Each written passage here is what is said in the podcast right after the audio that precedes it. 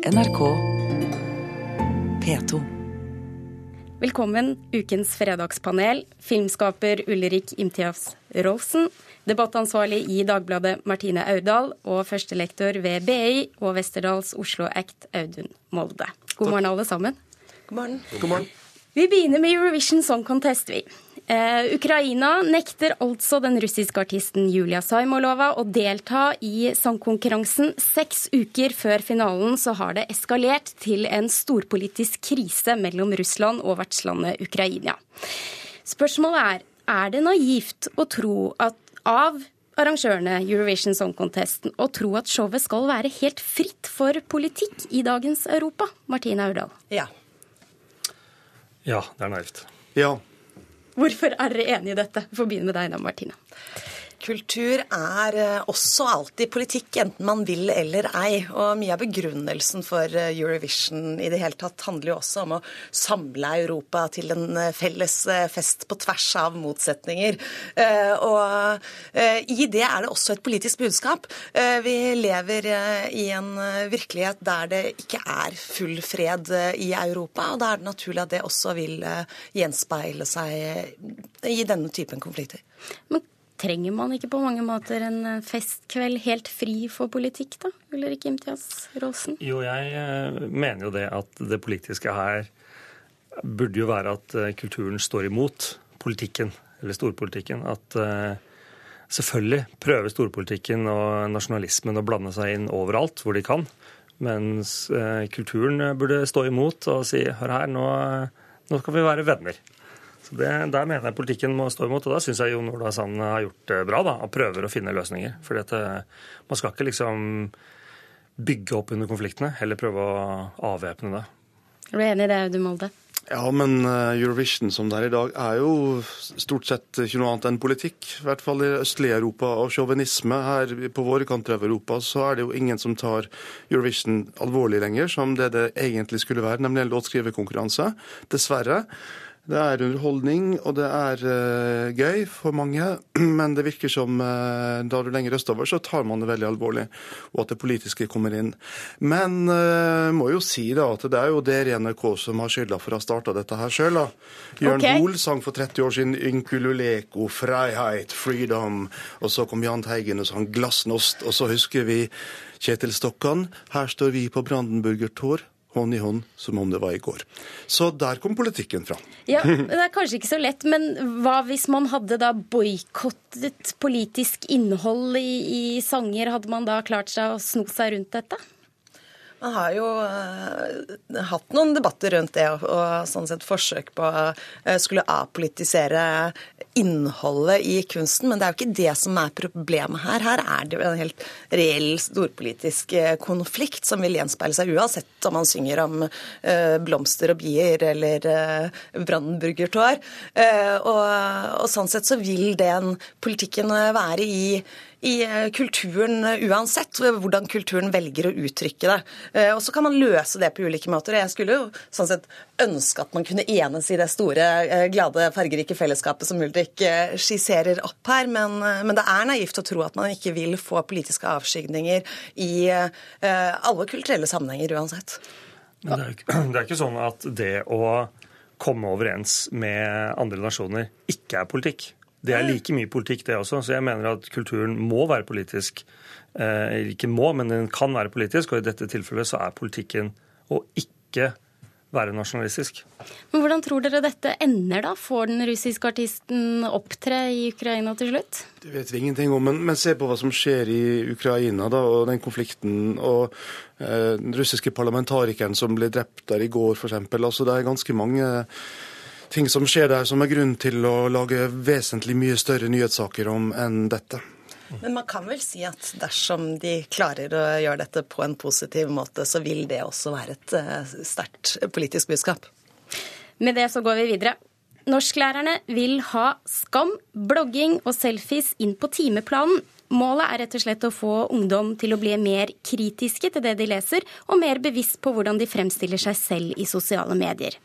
Lærerne mener at den nye tekstkulturen er vel så viktig som Hamsum og Ibsen.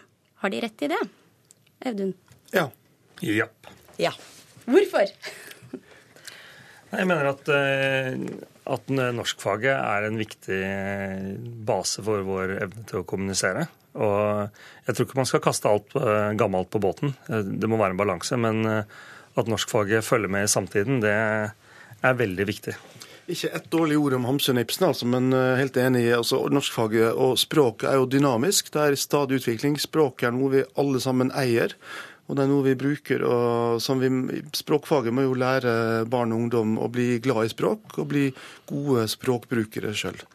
Norsk er kanskje det aller viktigste språket i skolen, nettopp fordi at det skal sette oss i stand til å analysere språket og verden rundt oss. Og jeg tror ikke det er noen grunn til å frykte at norsklærers eh, kjærlighet til litteratur er så liten at ikke de vil sikre klassikernes plass uansett. Eh, men det det er grunn til å frykte, er jo det at vi eh, ikke setter den oppvoksende generasjonen i stand til å analysere verden rundt seg, som jo da er et mediemangfold hvor de overflommes av en kombinasjon av eh, tekster med reklame og, eh, og blogger og eh, TV-serier som de ikke er i stand til å, å deschiffrere av seg selv. Så Derfor så må skolen hjelpe dem å analysere dem og diskutere dem, slik at de går kloke ut i verden som oppvakte mediebrukere. Men det er noe litt klamt over det hele òg. At en, en, et voksent menneske skal snakke i en form som ungdommen gjør. Det forutsetter jo at eh, læreren gjør det på en klam måte. Da. Og det kan man jo absolutt forestille seg situasjoner hvor det kan skje. Han skal gå ut og være eh, kulere enn kidsa, liksom. Eh, men, men, det å bruke skam eller rosa blogger eller diskutere selfies på Instagram i, i norsktimen kan jo gjøres også på veldig spennende og kloke måter. Så det tror jeg vi må ha tillit til lærerne at de klarer. Ja, helt enig. Vi må ha et mangfold av sjangre i norskfag faget, og det er veldig viktig å lære sjangerkunnskap og også lære kritisk tenkning og kildekritikk. Derfor så må vi ha et mangfold av kilder. Det burde også være mye mer sakprosa i, i norskfaget, og ikke bare skjønnlitteratur. Jeg tenker også at eh, det er spennende at eh, medier som Snapchat og Instagram blir brukt i norskfaget, fordi kommunikasjonen eh, blir mer og mer visuell. Men, men, tenker du at man skal bruke Ibsen, lese Ibsen og formidle hva man har fått ut av det på Snap? Nei, ikke nødvendigvis. Jeg tror man skal holde på de klassiske formene på den klassiske måten, men man kan også fornye det, selvfølgelig. Det, det, det er ikke sånn at dette er i motsetninger til hverandre? Jeg ser gjerne Ibsen på Snapchat også, ja. altså, hvis ungdommene eh, tenner på det. Noe av eh, det viktigste en god lærer gjør, er jo nettopp å skape entusiasme rundt litteraturen, skape leseglede. Eh, og hvis det kan gjøres ved å bruke nye former på gammel litteratur, eller ved å ta inn ny litteratur eller andre medier, så syns jeg vi bare skal applaudere det. Hvis Ibsen hadde levd i dag, så hadde vel han lagt ut Snap hver dag og hatt en Instagram-konto. Altså, Ibsen skildrer jo sin tid. og og det gjør jo vi alle sammen i dag på sosiale medier. Så ikke sett disse tingene opp mot hverandre, men se på mangfoldet i det og, og gå inn i alt sammen. Ok. Dere er veldig enige i dag, så nå er jeg spent ja, på siste Ja, nå må dere skjerpe dere. nå er jeg spent på, på, siste spørsmål. Det dreier seg om mobilbruk. En gruppe barn og unge i Grimstad har nemlig tatt initiativ til en kampanje som skal begrense skjermbruken og heller fremme fysisk aktivitet og sosialt samvær med fysisk oppmøte. Norske barn og ungdommer er nemlig verdenstoppen på bruk av mobil og sosiale medier. Er dette en tapt kamp, Ulrik? Eh, jeg vil ikke si det er en tapt Nei. Nei. Eh, ja. OK. Ulrik, du får begynne. Nei, Jeg tror ikke det er en tapkamp. Jeg tror vi fremdeles eh, vil se at barna våre har lyst til å løpe og, og leke. og Når jeg ser på mine egne barn, så ja, de er glad i skjerm, men de er også veldig glad i å, å gjøre andre ting. Jeg syns det er fint at eh, barna i Gribstad finner finner ut dette sjøl. Mm. Eh, jeg tror at eh, alle reaksjoner har en motreaksjon, og vi kommer til å se mye av dette framover. Det er jo en tapt kamp all den tid eh, ungdommen eh, bruker så utrolig mye tid på skjerm at de ofte eh, sitter og chatter med hverandre i samme rom istedenfor å snakke sammen. Og vi kommer ikke til å se at de, denne typen aksjoner gjør at de slutter med det. Men nettopp derfor så er det jo bra at de diskuterer det sjøl, ser på alternativer og hvordan man kan kombinere det. Da. Det er nå, er, nå, er, det jo sånn at eh, små barn fra de er liksom ett år eh, har en intuitiv forståelse av hvordan man skal bruke nesten enhver skjerm, og velger det veldig ofte. Så må man hjelpe dem å legge til rette for at det ikke skal ta helt overhånd. Og kombinere det med jeg vet da søren, Pokémon Go-jakt, så de kommer seg ut i Frognerparken samtidig. Men små barn fra de ett år har jo også en intuitiv forståelse av vann og luft og jord og ild og mange andre ting. Da. Så det er jo håp, og det er jo veldig bra at dette kommer som en reaksjon fra ungdom sjøl. Jeg har tro på ungdommen sånn eh, generelt. Også. Jeg tror ikke det er en tapt sak i hele tatt. Jeg tror det kommer motreaksjoner.